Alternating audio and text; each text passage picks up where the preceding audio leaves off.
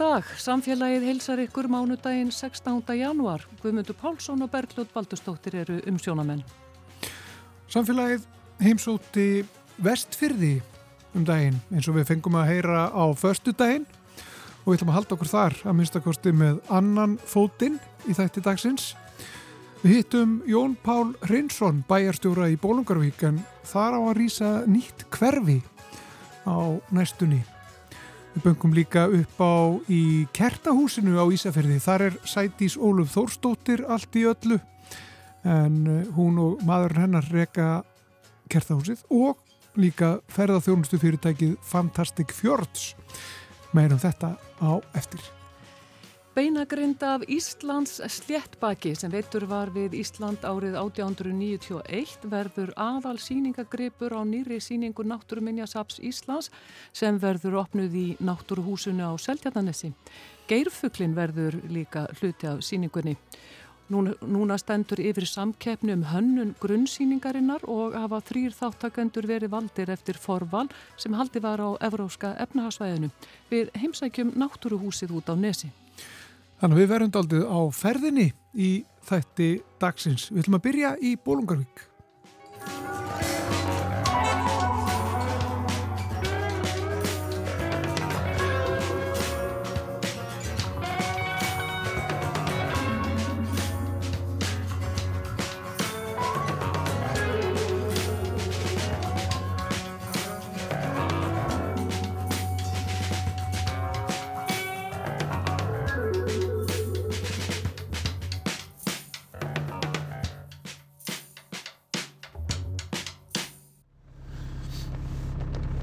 Ég statur í Bólungavík og fór hérna í smá bíltúr með bæjastjórnum, Jóni Páli Rinsinni sem situr hérna með mér uh, í bílnum.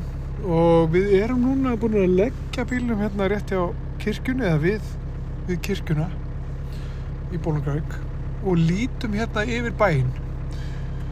Uh, það stendur nefnilega til að fara hér í meira áttar framkantur sko nú Nú drepa bílnum, drepum á bílnum, það var hann lengri haldið. Það, eru meira átt að framkvæmdir hérna framöndan, það er búið skipulegja hérna nýtt hverfi. Getur þú sagt okkur aðeins betur frá? Já, við erum hérna, horfum hérna yfir hérna nýja sem nýja hverfið á að rýsa sem er gríðalega skemmtilegt og, og hérna metnaðfullt verkefni hjá okkur. Hér hefur svo að segja ekkert verið byggt í næstu 40 ár og maður svona líður stundum eins og að ég nú fættur 1973 50 árið. Þannig að mér líður stundum svona eins og maður var í Kanada þegar maður var með hérna, Thomasósu glerflöskuna og maður landi í og þá kom ekki neitt og svo allt í hennu kom allt. Þannig að við erum svolítið búin að vera að lemja í núna í 40 ár og svo allt í hennu bara detta hérna 50 lóðir. Og, hérna, og það er mikil eftirspurn.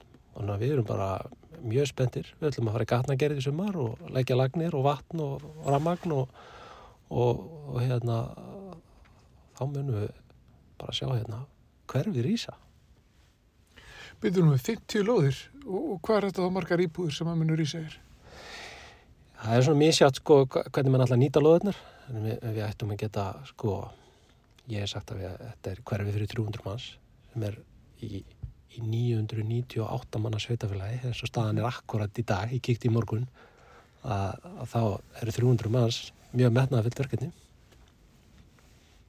Og hvað var þetta lengi verið í, í, í pípunum? Hvenar, hvenar fóruð það að sjá fram að það nú þyrti nú að fara að spýti lofana og, og byggja? Það er svona rúma ári síðan þá, þá byrjuðum við að huga að þessu og, og, og þá var kannski ekkit endilega svona, þá vorum við kannski hugsað til langra framtíðar það, það hefur breyst mikið og ég myndi segja að vestfyrir allir er í mikil í sókun það hefur fólksfjölgun eftir, eftir áratöga fólksfækkun. Það er fólksfjölgun á, á flestum þjáttbílustöðum, flestum sveitafélögum og östurum. Hér eru fjölgaðum 40 manns á síðast ári og, og við gerum ráðfyrir með, með eblingu, fiskeldis, uh, mjölkurvinnslu, sjáurutvegs, ferðarþjónustu að þá muni fjölga hérna um 200-300 manns á næstu 5 árum og við þurfum bara að vera klár sko. Og hvað hefur gerst hér undanfarn ár? Hvers vegna hefur þróun orðið þessi? Af hverju er eru fleiri atvinnutækifæri og, og þess að það er núna? Já, þegar ég byrjaði sem bæðastöru þá, þá sagði ég stundum í hérna, ræðum og ofinböru vettfangi að ég standi á þúsund ára sögu sjáaröldverks á Íslandi í Bólungaeg frá því að þurju sundafellir kom og, og fyllt í sundin af fiski eh, en núna er staðan önnur. Við erum með, ennþá með sterkan sjáaröldverk en við höfum verið að bæta við okkur. Það er mjölkuvinsla og sko kannski ekki allir sem átt á sig því að, að Bólungaeg er, er, er lambúnaðar sveitafélag. Það er eitt stærsta og öflugasta nýskupuna fyrirtæki í lambuna á Íslandi er stætti Bólungavík, Arna mjölkuvinsla sem er ekki bara uh, hérna, er ekki bara í mjölk, heldur hún líka í vegan hérna, afröðum stórgóðlegt fyrirtæki sem er í miklu vexti. Uh, fiskaldið er að hérna, fjárfesta. Þeir eru að opna hérna, uh, lagsavinslu og svo vorum við bara með hérna, hérna, stefnumótuna fundi fyrir Bólafell í, bara í gerkvöldi Bólafell er að draga til sín og við sjáum það á öllum tölum ferðamennum uh, í júli á næsta ári þá getum við staðið hérna nákvæmlega á sama stað og hort aðeins til vinstri og þá heyrum við hamasökunum í nýju húsunum ef við horfum síðan aðeins til hægri þá horfum við á tjálsvæðið og sjáum hérna uh, flotan af, af tjaldbílum, húsbílum, ferðamennum koma til bólingækur. Þannig að þetta er, þetta er hérna ringrás lífsins sko. Ferðamennir koma með peningin sem endar í, í, í nýjum hömrum sem var til þess að negla. Þetta er ringrásinn. En að því þú minnist einmitt á Bólafjall og, og þessar miklu framkvæmdi sem hafa verið þar, náttúrulega þessi útsýnispallur -hmm. Hvaða svona möguleikar fylgja því verkefni og, og er, er þetta sjá fyrir sér eitthvað ennþá stærra og meira bara nákvæmlega þar upp á þessu fjalli? Já, við sjáum fyrir okkur að bólafjall sé uh, sko bara einn hotsteinn af því að sko ebla ekki bara atvinnu í innferðanhannustu heldur líka bara þjónustu frambóði bólunga ekki fyrir íbúana. Eh, það er einn af leikið þáttunum í ferðarþjónustu fyrir sko, minni samfélag, sérstaklega á landsbyðin að ferðarþjónustan hérna, bæti þjónustana fyrir íbúana, gerir bólungaeg og vesturið að eftir sóknar verðar í stað til að búa á. Því við erum í samkendum fólk í hérna, miklu hérna, sveialega í hérna, starfsemi það er mikil tækja fyrir, samfélags og bólunga til að laða til sín fólk. En það er líka hættaði því að fólk getur líka farið með vinnuna sína á móti. Þannig við að greiðarlega ábyrg sem að uh, er hjá okkur sem að stýrum samfélaginu og, og leiða það áfram að, að gera sveitafélagi eftirsóttaverð uh, eh, hvað var það þjónustu, hvað var það uh, eh, umkverfi, öryggi mentu barnan okkar aðgangar að grunn þjónustum helbriðstjónustu þjónustu sem við nýtum til þess að gera börnun okkar að betri einstaklingum og svo frávís og uh, það, það hefur allt hlutverk sko, veist, og bólafell hefur, er púsl.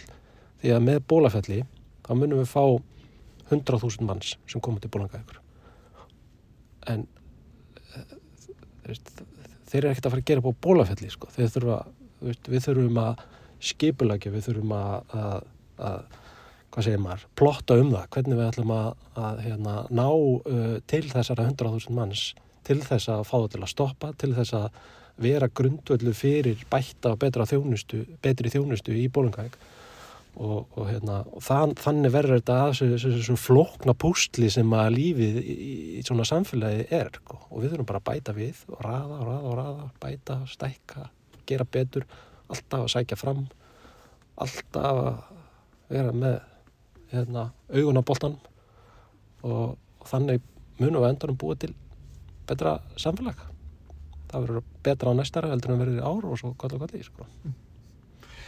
Þegar að, að fólk verður koma hérna til þess að skoða útsýnið hérna á Bólafjalli og, og fleira, e, það er stundu talað um sko að það vanti gisturými fyrir ferðarfólk sem vil koma hérna. Og þeim fjölgar og áhugin er mikill, heyri maður, víða að. Um, er Bólungavík í einhverjum svoleiðis stellingum að, að geta tekið á móti ferðamönnum hér og, og verið hérna kannski með hótel eða, eða gistíku er það Bólungavík sem, sem var í áfangastæður þá? Já, við erum einmitt verið í sko maður er stundu sagt að þetta séu hérna selfos áhrifin sko hérna í, í, í, í sveitafélögum í Ísland þar sem við erum að skoða hvernig við getum breytt miðbænum okkar. Við erum verið í sömu vinnu að skoða hvernig við getum breytt miðbænum, hvernig við getum svona þétt þjónustu framböðið og tengt af við höfnina við erum með mjög lifandi höfn, sérstaklega á sömrin þegar strandveðinu koma. Þá líður ekki sá, það kort er að það sé ekki fiskus breiklandi við höfnina. Og uh, við telum mikil tækifæri í því að það sé samlega ráðsvíði því að blanda þennan ferðarþjónustu, gistingu og haftsækinni starfsemi saman. Um, það er eins og verið kannski ekkit endilega uh, hlutverk sveitafélagsins að byggja hótel en, en við viljum skapa hérna jarðin og grundundum fyrir það. En hins vegar er þetta þannig að þetta er þetta þetta vestvíst verkefni að taka á móti ferðamennum uh, ef ferðamennir ákveða að gista á Ísafriði eða Flateri eða Patrísfriði og nýta sér og fara út að borða í Bólungaeg og borða á, á nýjum fisk í veitingastað og fara svo upp á Bólungaeg það, það, það er ekkit, ekkit hímin og jöru, það er ekkit, við stöndum ekkit á föllum með hótelinu. Við bara erum hluta af einhverju púsli og við munum eh, gera þetta saman og, og hérna og, það er þannig að Ísafjörður eflist eða flateri eflist að þá mun bólungaæk líka eflast og öfugt. Mm -hmm. Það stundur tala um þessi ríkur svona milli sveitafélag er, er, er það svo? Eða, eða er samstarfið kannski er það meira en, en uh, marga grunnar kannski? Og er viljin til, til samstarfs er hann til staðar? Já, já, já, það er mikill viljið til samstarfs. Er þetta ekki bara eins og í öllum góðum fjölskyldum sko. þetta skiptist á skinn og skúri sko. Eða ekki? Ekkert meira, þú ert ekki sett meira. Já, nú kannski ég er kannski búin að vera og lengi í, í starfi, sko, ég fann að svara svona flóknu spurningum með einfaldu svörum. En segjum við meira frá þessu hverfi sem að rýs hérna, veistu hvenar eh, hvenar eh, já, ég var að segja bara fyrstu kaupendur munu taka við liklum hér eða, eða fyrstu, þeir fyrstu sem að að reysa sér hús hérna geta geta pakkað í kassa og flutt inn eppel? Já, ég, ég held að, að það verður sko enga framtækið sko, fólki sem að sengjur og löður og alltaf, alltaf byggja sér sjálf að, að það muni geta byrjaði vor svo bara hversu mikið kraftur er í þessu sko nú veit ég ekki sko ég, ég er nú bara að trúa á ungu kraftmillu fólki í, í Bólungaeg og sem vilja koma enga að, að, að rífi upp eitt einbílusús, er ekki, ekki stílinn þannig að þú hendur upp húsinu og flytur í bílskurinn og, og dundar svo við hitt yfir, yfir, hérna, yfir veturinn sko. þannig að já, ég, það er bara verið á næsta ári sko. vel að trúa því og bara kannski rétt að lókum sko bólvigingar eru 998 voru það í morgun? Hvenar, hvenar verður það þúsund? Er það á morgun? Gæti verið sko, gæti verið. Þetta er náttúrulega eins og lífið er sko það, það, það kemur nýtt fólk og einhverju fara og einhverju kveðja og, og svo fæðist nýtt líf og þetta er svona fljótandi. Þannig að já, þetta bara getur gæst á morgun eða hinn eða í næstu viku, þetta er bara, þetta er að detta. Það verður skemmtilegð hver er verið þúsundasti? Það er spurningin sko. Og hvena voru bólugingar þúsund síðast? Mástu það? Já, alltaf sé ekki svona hvað sem 20 ár síðan kannski mm. fórum myndir sko, við vorum mest alveg detta í 1300 svo hefur svona fór svolítið, hallaði svolítið undanfæti sko, og fækkaði jæft og þétt. Og það er svona, það sé ekki svona 6-7 ár síðan þá byrjaði þetta svona að snúast við hægt og, hægt og róla og núna er þetta þannig að það er pressan og þetta bara snýst um húsnæði. Þegar að við náum að fjölga húsnæðinu það komið 20 nýjar íbúður eftir, eftir fjör, nánast 40 ára hérna, stöð, stöðnun og, og þá fjölgaði okkur við fjölgaði 40 síðast ári en það kom líka 20 nýjar íbúður á markaðan á síðast ári. Þannig að ef við ef að hérna fólk sækjur og lóðir og byrjar að byggja þá munum við fjölga sko, mjög rætt mm -hmm. Sko ljúka þessu svona Jón Báll Reynsson uh, bæjarstöru í Bólungavík Takk fyrir spilli, takk fyrir að sína mér hérna uh, nýja hverfið. Sem, að, sem er hvað kallast hvað? Lundakverfi Takk fyrir þetta. Sumleis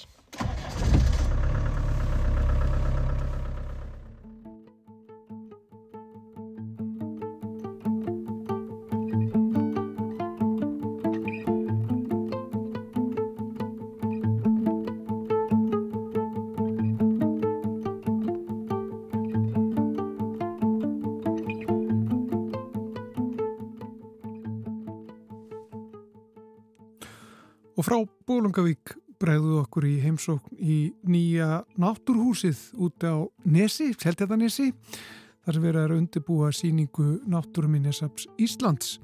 Bergljótt Baldurstóttir hitti þar Hilmar Malkvist, forstöðumann Sapsins. Aðkoman er náttúrulega orðin, er svo ekki alveg komin í lag eða hvað? Gera líka ráð fyrir því fjárðarsvátun bílastæðin, frágangin. Þetta er ekki allt komið, sko. Já, er það svo kallt, ég held að maður verði að koma sér inn. Verður þetta aðalingangurinn? Já, það kann að breytast, sko. Sko, þetta útsýni, ég minn, ég hef bara held ég ekki séð annað eins. Nei, Ha, þetta er náttúrulega afskaplega fallegt og það er ekki hægt að velja sér betri stað fyrir sko safna þessu tægi, svona náttúrhæsar með friðlýst eh, hérna náttúrusvæði. Bakkatjörn hérna og, og gróta líka friðlýst svæði þar við hliðina. Og bak við gróttu hérna úr þessar átt Snæfellsjökull og, og sjóndeildarhingunum svo náttúrulega hluti af, af því af hérna síningunni er að ganga upp á þak og virða fyrir sig alveg fullan sjóndeldarhingin með Reykjaneskaðan, Bláfjöll og hérna Esjuna og enda svo á Snæfells hérna fjallgarðinum og Snæfellsjökli.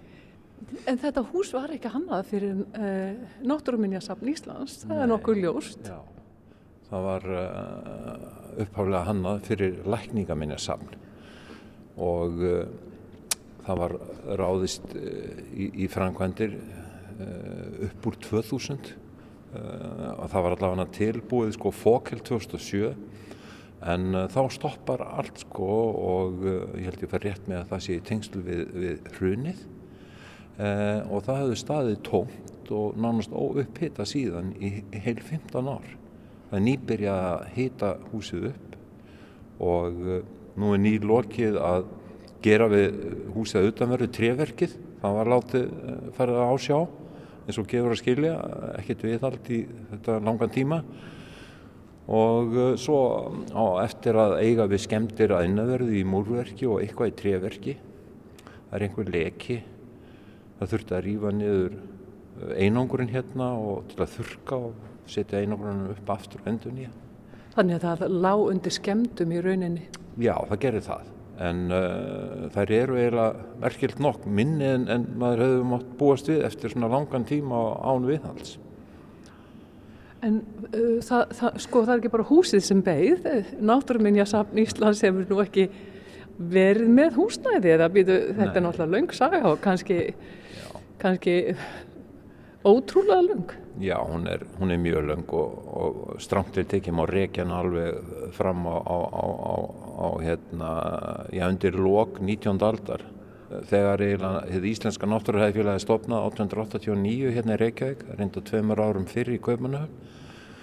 En uh, eitt megin tilgangu félagsins var að koma upp uh, viðunandi náttúruhæðsafni fyrir, fyrir þjóðina uh, og þó að það hafi verið reknir sko síningasalir hér og þar síðast á hlemmi á tveimur hæðum og þá er það allan tíman við óviðunandi aðstæður.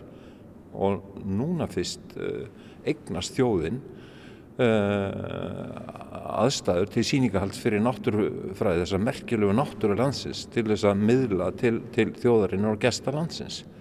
En náttúruminjarsafnið það, það uh, hefur sem sagt hérna opnaði síningu í Perlunni uh, í samstarfi við, við engaðilega sem reka húsið uh, 2018, 1. desember og, og þar helgu við síninguna vatni landsins hér í þessu húsi á, á þessum fallega stað nálagt Allandshafinu, sjónum, strandinni ætlum við að, að hafa hafið sem megin síningarþemað.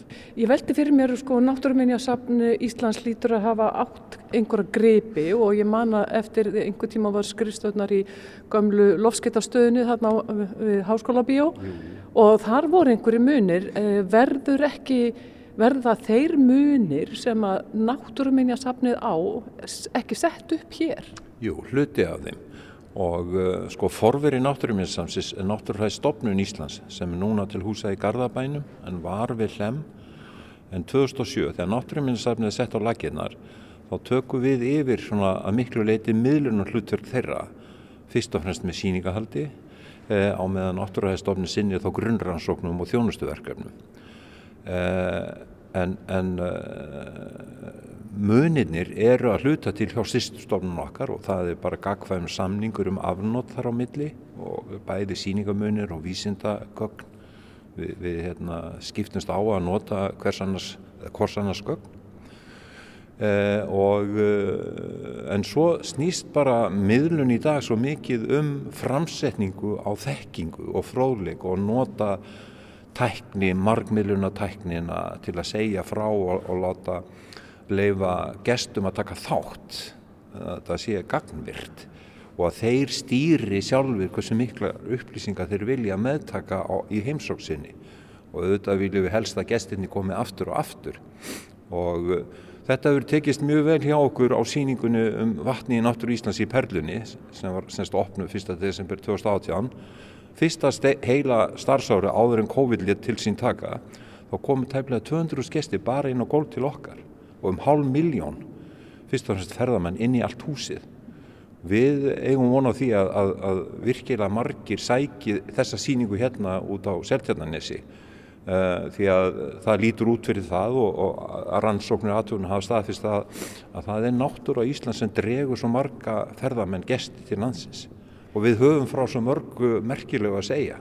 Þannig að síningin verður áfram í Perlunni? Hún verður áfram í Perlunni og það er sko afnótasamningur við þá sem leiði allt húsið að Reykjavíkuborg til 15 ára.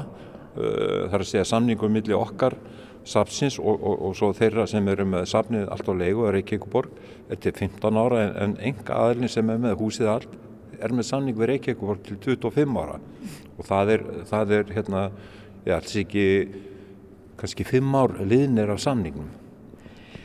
Sko að að leggja áherslu á hafið hér er, er eiginlega bara nokkuð augljósta því að hafið er nánast hérna inn í húsinu. Það er, það er hérna en þá er í raunin ekki hægt annað en að spyrja sko um síningagripina og það er nú, það var nú margar fréttir skrifaðar um hérna steipireiðina frægu hérna og, og riflildið um hana. Og við skulum bara byrja á henni en hvað verður hún hér? Mm, nei, ég ger ekki ráð fyrir því þó svo að það hefur verið gefið í skinn eða því lofað má segja að þegar náttúruminsafni egnaðist inn eigin húsakost þá myndi steipireiðin komið tilbaka og Húsavík þið eftir uh, prentuð eftirgerði. Ég á ekki vona á því að, að það gerist og náttúruminnsafni hefur svo sem ekkert áhuga því lengur. Við erum auðvast að á öðrum svona kjörgrip sem verður hryggjast ekki í síningunni. Það er annar kvalur og, og í mínum huga er hann jáfnvel merkilegar en steipurinn þó hún sé nú með merkilegri dýrum jarðar, allavega hvað stærðina varðar. Ég sé að þú ert með nefnilega hérna einhverja teikningar upp á, upp á vegga hvað, já, hvað er þetta? þetta og hér er greinlega verið að sko hugsa hvernig hún á að vera hérna. Já, þetta er semst hérna beinagrind af, af Íslandsleitbaki eh, og þessi tiltegna beinagrind hún var veitt út af vestfjörðum 1891 og flutt sama ár til dýrafræðisapsins í Kaupanahöfn. Þar hefur hún verið í geimslu allan tíman síðan nýri kjallara og það er reyndar önnur beinagrind Íslandsleifbaks í kjallaranum hjá Zoologist Museum sem var veit 1904 út af hellisfyrði fyrir austan en uh, við erum sérst búin að tryggja langtímalán frá, frá dönum, þökk sé þeim uh, á þessum grip hingað og hann verið fluttur hingað sennilega síðar á árinu núna uh, og hugmyndin er að hafa hann hérna upp í aðal síningasalmi hjá okkur og þetta verði svona kjörgripurinn eða hryggjast ykkið. Og er þetta beinagrindin sjálf eða, eða einhvers konar eftirlík? Þetta er hinn raunveruleg gripur, þetta, já og í okkar hugum þá, þá skiptir það öllum máli að hafa hinn eiginlega grip og og uh, beinagrind á þessari tegund er ekki til hér á landi en þeir voru algengir uh, og síðustu slettbakarnir, Íslands slettbakarnir sem voru veitir almennt í skipulöfum veiðum voru veitir hér þannig kringum 1900 þannig að þetta er svona hluti af okkar náttúruarfi og, og við og Danirni við lítum á þetta sem samiðilega menningar og náttúruarf. Og þeir eru reyðubúnir að, að lána okkur til langstíma þessa beinagrind og þeir koma til með að standa að síningun á þessum gripi hérna. Verður hún látin hanga svona uppi? Ég sé hérna á myndinu að það var eins og hún svífi hérna í loftinu. Já, já hún er eiginlega syndir í sjónum að segja. Hún er semst kvílir ekki, ekki á undirstöðum, eh, heldur svífur eða hangir og uh, það er verið að vinna, það eru sérfræðingar út í löndum og reyndar hérna heima líka sem eru að, að vinna að svona hönnun á uppsetningunni og það þarf að forverja og þetta er svo fágætu gripur sko, þetta, þessi tegund er á barmi útrýmingar. Í dag, það eru bara örf á hundruð eftir því miður. Og stofnin er á niðurleið sko út af umhverfis áhrifum og þeir ánetjast og drukna eða kapna og það er silt á þá svona en uh, þeir voru semst bísna algengir hérna og við eigum virkilega flott bakgrunnskökn um það alveg frá dögum Jóns Lærða Guðmundssonar sem gerði þessari tegund sérstaklega skil fyrstur manna. Hann er fyrstur til að átta sig á tegundaengininu til að greina frá öðrum kvalategundum hann, hann var, hann var, hann var hérna, fyrri Karl Linni til að gera það mér að segja En er, eru við þá sem sagt þetta, við erum hérna alveg á jarðhæðinni, eru við þá í aðalsalnum? Ég, ég sá alltaf fyrir mér, sko, þegar maður, þegar maður kæmi hérna í heimsóknu þá getur maður setið hér og þetta var, er það svona kaffihús og maður getur hort hérna út á hafið, verður kaffihús hérna? Já, það er alveg löggrétt, þetta, þetta fallega útsýni hérna á jarðhæðinni sem blasir við svona suð-suð-vestur eh, að hér er veitingastadur Uh, og hér á aðra hönd okkar til austurs þar, þar verður svona einslas rannsónastofar fyrir sapkennarinn að taka á móti skólahópum. Og uh, þau geta að fara inn í fjöru, það stutt að fara og komi með eitthvað hérna inn og unni með það, það verða öll tól og tæki til þess. Þar fyrir unnan hérna í, í ránkálunum verða skrifstofur og svo framvegis. En hér verða semst móttaka og veitingaðastaða og í þar verður fyrirlestrasalur og svona fjölnótasalur og, og milli eldhús og, og fjölnótasalar verður svona sérsýningarými og þetta er um 60 eh, til 100 fermetrar sem er mjög gott. Þannig að verða semst möguleiki, eru möguleiki á tímabundnum síningum í samstarfi við aðra jafnvel. En aðal síningasalurinn er hérna á, á hægri hönd þegar við komum inn um aðal dittnar hann er um 250 fermetrar og, og það er já, tæplega 5 metra lofthæð og hér kemur einhver staðar hér uh, kemur hérna hryggjastykkið beinagrind Íslands Þittbaksins og ímis fleiri síningaratriði og þar með taldir náttúrugripir og, og annað sem á að vekja áhuga gesta og koma og, og, læra og fræðast og skemmta sér líka. Og nú er ný lokið, hérna, lokuðu útbóði, það er búið að velja Eh, þrjá af nýju aðilum sem sóttu um að fá að hanna síningun okkar. Og það eru fimm aðilar að utan og, og þrýr íslenskir sem við vitum ekki hverjir eru, það er sem að lokað og, og svo eftir að velja einn af þessum þremur sem fóru úr forvarinu. Og hvenar verður það gert? Það verður gert, eh, það verður kynnt uh, miðjan februar, það er allavega stemt að því núna, það hefur verið eilítil senkun á því En hvað, hvað á uh, þessi að gera og, og, og já, hvað, hvað eru þeir að gera?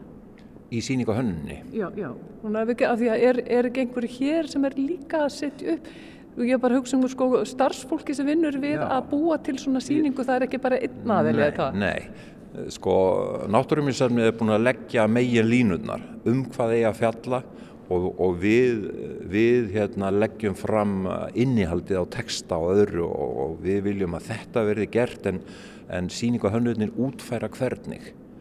Og hafið saði að væri, væri megin þema og, og það er lí, fjöl, lífræðilegu fjölbreytilegi hafs og við tökum fyrir öll megin búsvæði hafs frá, frá fjöruströnd og grunnsæfi og niður í djúbotnin í djúpið og hluti af síningarými hérna er, er kjallarinn, þá förum við niður í djúpið og þá fræðust við ímslegt sem, sem leynist í hafdjúbunum. Og er ekki fullt af munum sem þarf að vera í svona? Eh, jú, það eru munir þar á meðal vissulega en, en svo er þetta einni uh, myndir, það eru jú, upplýsingar og, og það er eitthvað gagnfyrk tæki sem veit að er insýn inn í lífríki hafsins, áhrif lofslagsbreytinga, súrnun hafs og svo framvegis uh, og þetta tekur alveg frá sko veirum til, til stærstu kvala. Við gerum þessum lífurum, hópum og einstaklega allt skil og fjallað um vistfræði og tengsl á milli jarfræði og líffræði eftir þessum megin búsvæði og við eigum náttúrulega marga áhugaverða muni fyrir utan hérna, beinagrind Íslandsleitbaksins. Við erum með gerfugl og við erum með fiska, við erum með fuggla, við erum með krabba og skelljar og Geirfugli var náttúrulega næsta spurning hjá mér og komst honum að þarna akkurat já, sko, já, hann, það er nú einn umteildur gripur sem hefur verið rifist um. Jú, já. hann verður sem sagt hér. Hann verður hérna, loksins fær hann uh, hérna, umbúnað sem, sem sæmur honum og, og hann verður mjög líklega uh, fasta gripur. Það er semst grunnsýning til langs tíma og, og svo hérna fyrir utan aðalsalinn er er svo rúm fyrir tímabundar sérsýningar. Hvar verður geirfuglinn svona heldur? Já, nú, nú er, er þetta, er þetta semst eiginlega höndum hjá, hjá, hjá síningahönnuðunum og þeir eru þrýr núna að vinna því að búti til lögur og leggja þeir fram fyrir okkur og við veljum svo. Uh, ég hef alveg meiningar um það sjálfur sko en, en það er ekki alveg markað en, hann gæti verið hérna í á svona afherbergi eða svona sem getur kallað að kró uh, þar sem að færa að vera einslæs helgidómur þar sem að færa að vera í friði. Og þá væntalega verður farið yfir sögu hans? Jú, sem er svo merkilega mörguleiti, bæði bara reynd náttúrufræðilega en, en líka svona í tengslum við áhrif mannsins og, og útrýming og annað og, og, og það er virkilega þörf á því uh, í dag auðvitað líka, ekki, já, sérstaklega í dag má segja. Og kannski þá líka sögu þess að sérstakka fuggls? Sko, já, það, það, við eigum svo góðar upplýsingar um bakgrunn þessar tiltekna fuggls og sama gildir um beinagrind er, við teljum að það sé jafnvel til sko ljósmynd á honum óflensuðum í, í fjöru í dýraferði frá 1891. Uh, húsið beigð í hvað, 15 ár, uh, náttúruminja Náttúruminjasafn Íslands beigð líka og hefur beigð í áratögi væntarlega. Þú tókst við þessu ennbætti sem þú ert í, for, fórstöðumadur, fyrir hvað, 10-15 árum? Nei, Já, 2013. Þannig að, að það er tíu árin núna, setna árin. Það er ekki hægt annað en að spyrja þig sko, bara persónulega, hvernig sko hefur þessi bara átt að verið vegna þess að ef ég man rétt að þá áttur þú kannski ekki endilega vona á því að það tækir svona langan tíma að fá hús yfir safnið? Nei, vissulega ekki því að þegar ég tek við höstu 2013 það ár uh, þá stendur til að náttúruminnarsafni fái alla perluna út af fyrir sig síðan fellur ríkistjónin og nýtekur við og allt fer á ís og barningurinn fyrir hérna húsnaði fyrir þetta höfusaf þjóðurinn í náttúrufræðum heldur bara áfram og, og uh, þetta er náttúrulega virkilega stór áfangi að, að, að fá þetta hús hér. En uh, sigurinn er ekkit algjörlega í höfn sko og, og það er alveg fyrir séð að það þurfi að, að bæta einhverstað við með húsnaði og það eru tiltekningar hérna af stækkun sem, sem uh, hlýfa algjörlega sko útlítinu, það er allt tekið niður í jörðina bara og sést ekki. Og þannig er ágætt að vinna með síningarými og, og viðkvæma munin alltaf sem, sem þóla ekki dagsljós. En þetta er meiri háttar áfangi og, og, og uh, ég er alveg vissum að þetta verði virkilega vinsæl sko, staður að sækja fyrir náttúrulega íbúalandsins sérstaklega skólaæskuna því að við leggjum mjög ríka áherslu á þjónustu sapkennara við skóla og það verður virkilega gaman að því að við getum unnið svo mikið hérna úti, skamt frá og komið inn og svo framvegis. Var aldrei á þessum árum uh, tími sem þú sagðir við ég stend ekki í þessu vesinu lengur? Nei, það var, var það nú ekki. Ég er náttúrulega stend ekki heldur í þessu eitt. Það, það hafa verið margir hérna, duglegir með í þessari báröttu og, og hún náttúrulega byrjar hérna, strax í, í árdaga hins íslenska náttúrfræðifélags.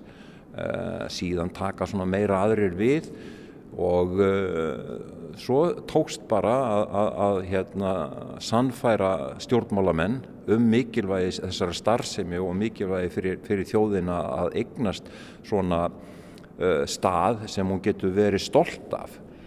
Ljúkum þess aðeins bara með því að fá svona helstu dagsetningar. Ég menn það er þessi, þetta útbóð í gangi mm. uh, uh, og, sagt, og hvað gerist svo næst og hvenar eigið vona á að þessi síning verða veruleika og verða opnað?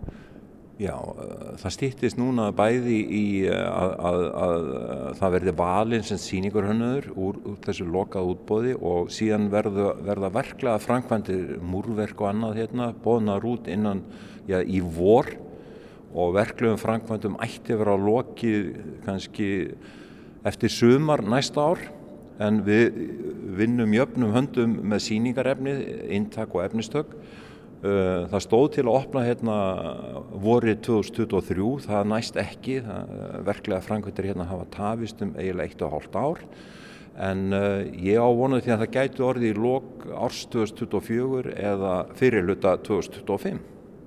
Þetta er spennandi. Bara Hilmar Malkvist, fórstöðumadur eða fórstjóri, hvort heitur þau? Fórstöðumadur. Fórstöðumadur Náttúruminsjásafn Íslands. Kæra þekki fyrir að fá að koma og skoða hérna. Takk sem við leiðis.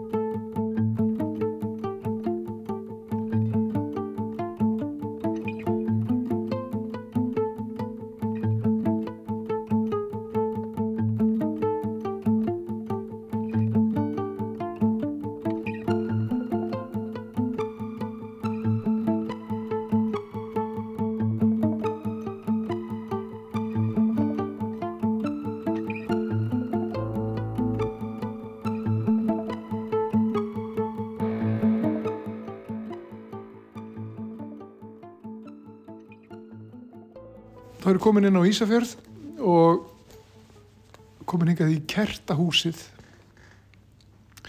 og ástæð fyrir því bankað upp og hér er svo að ég sá ykkur staðar að hér ætti að fara að uh, skoða framleiðslu á ilmkertum sem, uh, já, hvað maður segja, líkta eins og vestfyrir.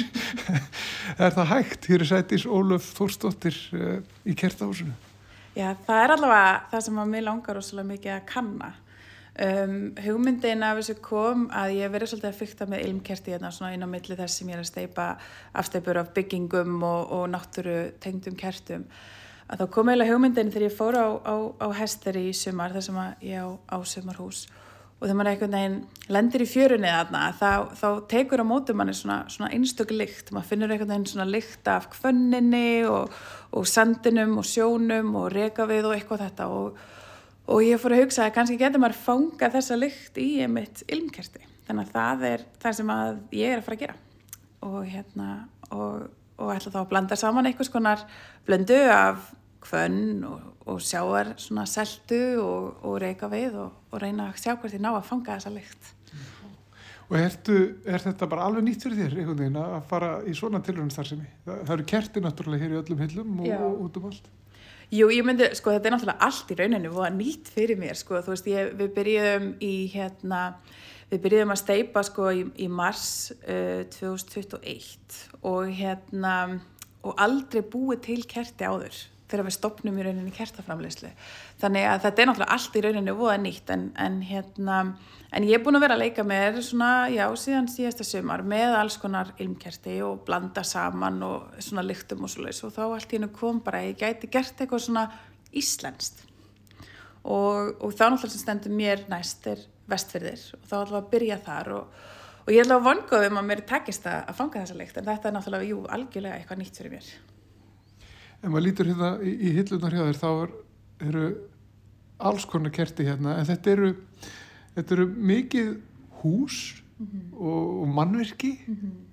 eh, hver er, er hugsunni þarna? Hér eru vitar og hér eru nú bara já, þekkt eh, hús eins og hljómskálinn og svo er hérna kirkjur hérna vestfjörðanum og ymtlið flera Sko hugmyndin af þessu kom uh, þegar ég er ófrisk af sinni mínum í COVID og við maðurum minnum um reykið saman ferðarskjörstofu frá uh, 2016 og það var náttúrulega ekkert að gera. Og við hugsaðum, ok, hvað gæti ég farið að gera á, á hérna, í fæðingarólónu og svolítið til þess að, að fá inn eitthvað tekjur, eitthvað sem geti gert heima. Og þá hefði ég hugsað að því að það væri til svo lítið af vestfiskum minnjagreipum að ég gæti mögulega farið að búa til eitthvað svona afsteipur af byggingum hér. Og og þetta var rauninni rétt fyrir jólin um, 2020 sem að ég hérna er að horfa í kringum mig. Og það er allt útilagt heima hjá mér af kertum. Af því maðurinn minn er alveg sérstakur kerta aðdáandi og áalveg fullt af kertum. Og ég hugsaði, ég gæti kannski stift þessar byggingar bara sem kerti. Og, og, og það varð úr og við byrjuðum og við byrjuðum á hérna um, gamla sjúkurásunni í Ísafjörði sem er bókasafnið og svona algjörlega nostalgíuhús Ísfjörðinga og þetta var líka aldrei hugmyndin sem að kom eftir á uh, þegar margir voru að benda á já þannig þið ætla bara að vera að brenna hérna byggingar og kirkjur. Og, og mér brása þegar ég heyrði það því að ég er svo innilega að hugsa ekki svoleið svo dætt ekki í huga, einhverju myndi uh, detta þetta í hug. En það er samt sko galdurinn á baku þetta hvernig við steipum þetta er sá að það brennur bara svona gat ofan í kertið af því við notum mjög hartvaks sem að þú getur síðan sett á bara spritkerti og þá koma, kemur byrtanir út um gluggana. Þannig að þetta er svona nokkur svona lukt að einhverju leiti Já, ég sá einmitt hérna þú kveiktir ekki í heldur á hljómskálanum. Hljómskálanum fyrir aðan og það er bara svona eins og að það kemur bara byrta út um gluggana reyna Emmitt, bara eins og sé bara einhverju skemmtilegir tónleikar í gangi í, í hljómskálanum sem að er, já, ekkurat hugmyndin svona hlýbyrta um, frá þessum kertum og, og, og líka það ef ég hefði haldið áfram með upphæflegu hugmyndina og verið að steipa þetta úr eitthvað skonar plaster eða steipu sko að það hefði aldrei náðist með smáðröðum. Úr kertavaksinu þá næ ég sko glukkapóstum, ég næ hérna uh, bárjáts áferð og allt þetta sem að það var svo mikilvægt að ná öllum þessum smáadriðum sko. Ég hef líka haft svo mikið áhuga á arkitektur og þann fór ég um, yfir í að gera vita, mist íslenskir vitar svo magnaðir að þú farast þessum staðar ellendist þá er allir vitar eins en við hefum lagt svo mikið metnað í það að fá mismunandi arkitekta og mismunandi lúk og eitthvað svo leiðist þannig, þannig að mjög að staða líka mjög skemmtilegt þegar ég fór að gera vitana Og þeir, þetta eru vitar bara hérna þaðan? Já, eru, þetta eru sex vitar núna ringin í kringum landið, einn í hverjum landsluta Þannig að við erum hérna með grótuvita og, og hérna svo erum við með galtarvita hér fyrir vestan, vattanisvita fyrir austan, kálsamarsvita fyrir norðan Reykjanesvita og Malarafsvita á Vesturlandi. Þannig að það var svona reyna að, að það er náttúrulega það sem að kemur líka mjög reglulega til okkar eru skilabóð, getur þið gert þessa byggingu og getur þið gert hérna bygginguna. Það er náttúrulega smá prósess að við gerum allt sjálf. Þannig að, að þannig sem við erum að gera bygginga þar að við látum hannar upp í þrývít og prentum út í þrývítabrendara.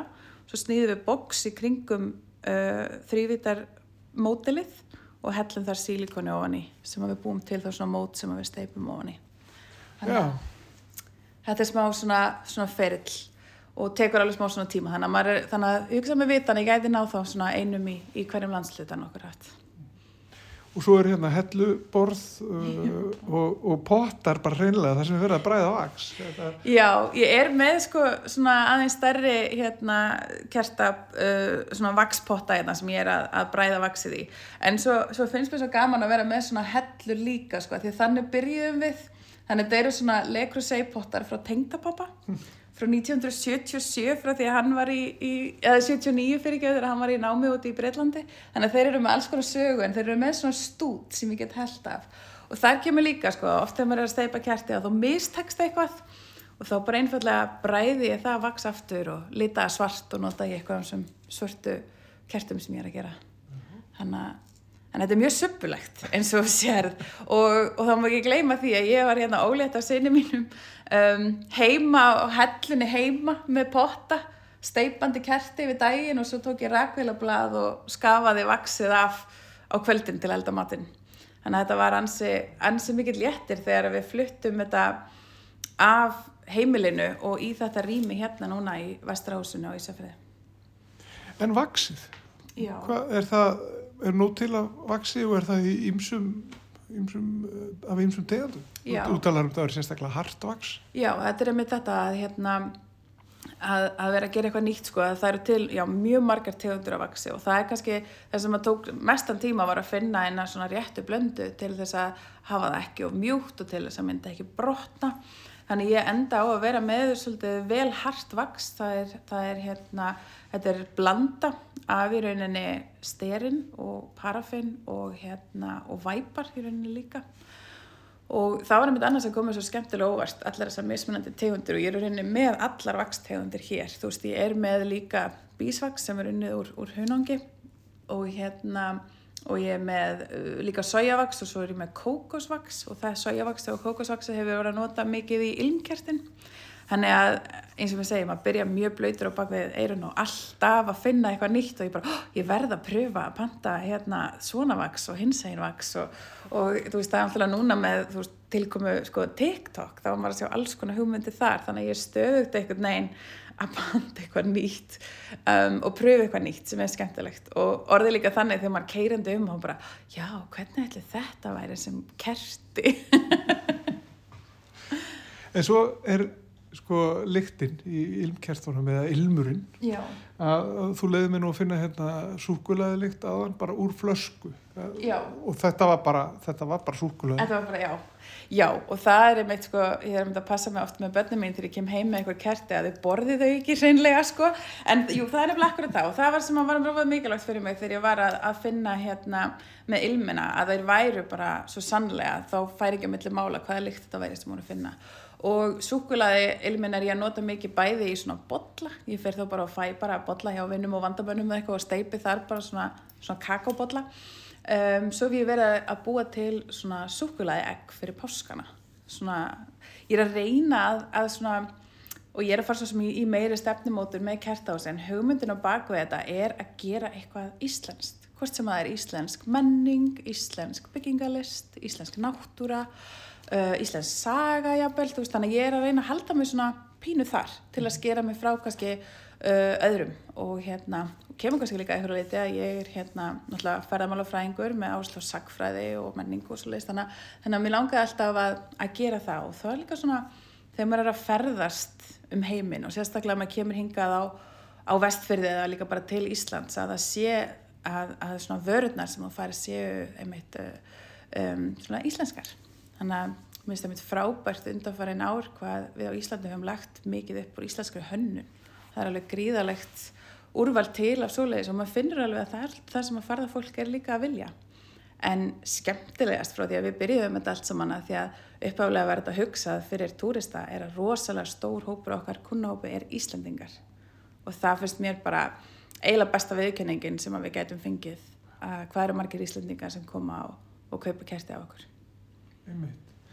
Og vestfyrðingar þeir eru líka margir og víða. Þeir eru það sko og, hérna, og nú erum við komið með sko, við erum með 13 byggingar hérna af, af norðanveru vestfyrðum og, og svo er ég búin að gera líka kirkjuna á Patró og ég þarf aðeins að svona fara að gera mig í brókvarðandi sko hérna söðufyrðina og, og fleiri staði en svo líka bara að fara hérna að, að færa sig bara um, um landið sko þú veist ég er að fara að gera skriðuklustur fyrir austan Þannig að það er alls konar framöndan í, í byggingunum líka sko, veist, og, og, og það er bara það sem er bara svo skemmtilegt við að mæta hinga í vinnuna er, er þetta, ok, og hvað getur við gert næst? Mm. Það er mjög skemmtilegt. Um, og hver veit, kannski stýttist í það að við getum fara að finna hérna lykt af, af vestjörðum, bara inn í stofu heima okkur. Já, ég hérna, er að býða eftir að fá núna bara uh, ilmana og byrja þá bara að, að blanda það og, og fanga þessa lykt og, og, og fyrir að leita mér að ykkur um svona sniffurum þar að fá ykkur til að vera að pröfa þetta og hvort að þeim finnist þetta einmitt lykta eins og hotstrandir eða lykta eins og ísafræða djúb eða hvað það er sko.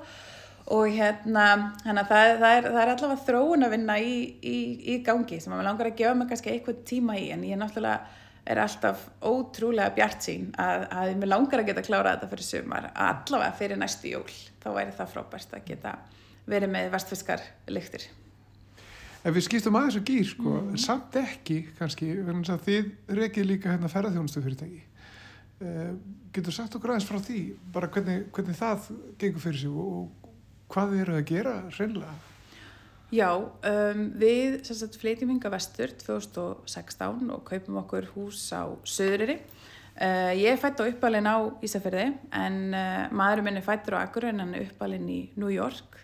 Þannig að hann bjó í New York samtals 17 ár þannig að hann var tiltúlega nýfluttu til landsins þegar við kynnumst sko. svo komum við hérna vestur sumari 2015 og hann bara fellur fyrir vestfjörðum og þá sérstaklega Söðuriri.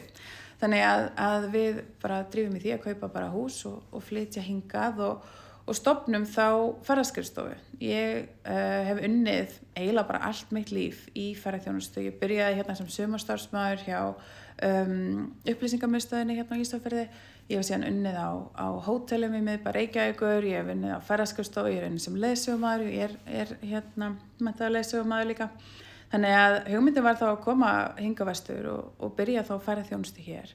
Og það sem við hefum kannski legt uh, mikla áherslu á er uh, menningatengt færa þjónusta við byrjum með uh, ferðir í kringum skemmtifæraskipin og uh, erum með ferðir eins og inn í Littlabæ og í staðan fyrir að fara bara inn í Littlabæ og, og fá sér vöflur sem alltaf bara frábært er, Littlabæ er, er torfbær hérna í Ísafjörðardjúpi að þá tökum við fram strokk og við hellum rjóma í strokkin og við strokkum smjör. Þannig að svona upplifun og fá að pröfa og lifa sér inn í uh, er mjög mikilvægt. Og svo hérna fengum við á þingiri Þóri og Borgni með okkur í lið að, að setja upp svona, svona skála þar. Og þar er fólk að koma og fá smá fyrirlestur um vikingana, klæða sig síðan upp í vikingaföld og steikja brauð á, á opnum eldi og þú veist, eitthvað svona pröfa og gera.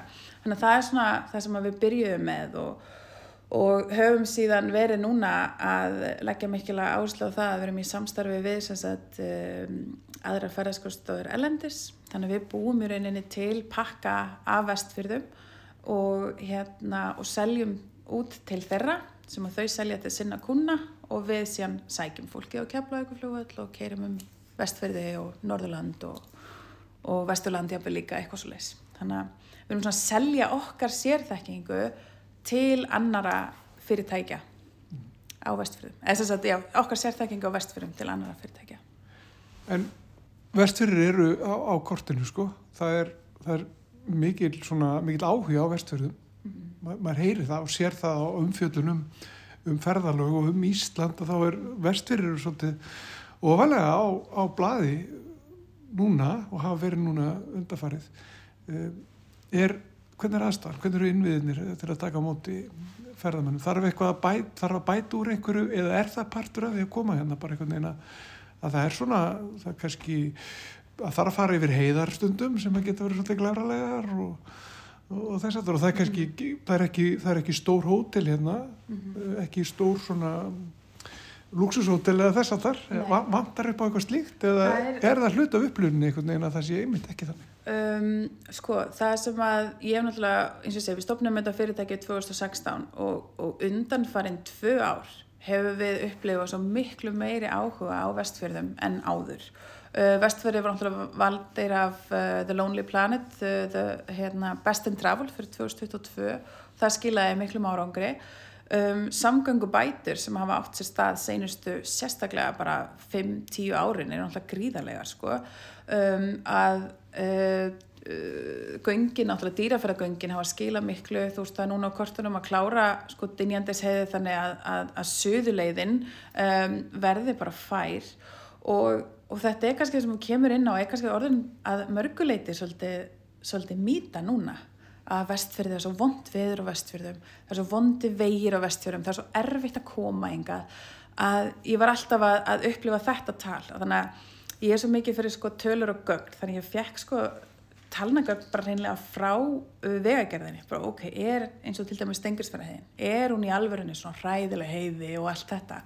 Og Holtafjörðaheiðin er oftar lókuð heldur en Stengirsfjörðaheiðin um, ég hef um þetta að sjá á, á Facebook núna eitt sem vann við mokstur fyrir 17 árum í djúpunu þá var uh, Ísafjörðardjúpi mókað þrísværi viku, það er mókað daglega í dag þannig að þetta er í rauninni orði bara batsins tíma og kannski eitthvað sem að að um, út frá því að við erum náttúrulega alltaf að tala um þessi alltafyrragöng, þú veist göngin yfir í, í Súðavík þar sem að vegurinn á milli Ísafjörður og Súðavíkur lokast náttúrulega oft vagnar snjóflóðahættu. Og, og, það er, um, og það er vissulega mikil nöðsin á því, um, þeim göngum. En vegabætur hafa orðið samt rosalega miklar og kannski að því við höfum alltaf verið að berjast svo mikið í, í gegnum árin bara fyrir betri vegasamgöngum, laga vegi að þá kannski halda allir að veitin þetta séu bara alveg hræðilegis sem að þeir bara vissulega eru ekki. Um, þannig að, að já, bara bætunar hafa verið það mikla senstu árin. Um, annað er náttúrulega varandi innviði að hérna við erum náttúrulega með rosalegt úrval af afþreyingu. Við erum bara, bara mjög vel stöld þar uh, gistingin er náttúrulega það sem að þarf að koma næst. Nú er bara allt uppbókað. Þú veist, ég er um þetta að fá núna fyrir spurtvandi hóp sem vil koma í júni og ég er bara í vandræðum með, með að, að finna eitthvað gistingu, þannig að við alltaf og líka í COVID þá töpuðum við mikið af okkar gistingu út af því að það er svo mikil uppbygging, það er svo mikil uppbygging í, í um, uh, fiskaldi og, öðrum geirum heldur en bara færatjónustu að þá var margir svona kift kannski svona gistiheimili og breytt í bara svolítið sko gistingu fyrir verkamenn á, á, þessari uppbyggingustendur um, þannig að jú vissulega okkur vantar meiri gistrými og okkur vantar líka um, svolítið svona meiri luxus og þá er maður ekkert endilega að tala um eitthvað 5 stjórnum pluss um, manni vantar kannski bara fleiri deluxe herbyggi, manni vantar fleiri junior svítur, þú veist eitthvað svo leiðis að það er mikilvægt til þess að byggja sérstaklega svona jæðartíman, oktober, november um, mars, april, mæ að þá vil fólk koma og dvelja lengur. Og þá vantur okkur kannski gistingu akkurat fyrir, fyrir þann markkóp og það mun uh, og hún mun koma. Það er, maður heyrir uh, maður er að heyra mikil áforum bæði á sögufjörðum og hérna norðufjörðunum um, og í kringum Holmavík þannig að, að eftir einhver ára er maður náttúrulega að horfa á allt annan veruleika hérna í því á það kannski svona erfiðast að vera með faraþjónustu hérna að vera með eitthvað að gera allt árið og geta þá verið með starfsfólk allt árið. Um, margar ferða um, margir ferða þjónar hér eru ennþá að glíma við það að byrja svolítið upp á nýtt í mæ þá erstu að ráða alltaf við nýtt sögumástarfsfólk og þjálfa nýtt sögumástarfsfólk og alltaf draumur en þetta geti orðið bara heilsás business. Ég ætla að fara að leipa þar aftur í að steipa kerti. Sætís Óluf Þórstóttir hérna í kertahúsinu og hjá ferðarþjónustufyrirtækinu Fantastic Fjords. Já Takk fyrir að taka mótið mér hérna og, og opna fyrir mér þegar ég bankaði hérna á hér. Herri bara takk helga fyrir komuna. Og þannig ætlum við að ljúka samfélaginu þennan mánudaginn. Guðmundur Pálsson og Bergljóð Baldurstóttir, þakka fyrir sig. Og við verðum hérna aftur á sama tíma á morgun. Verðið sæl.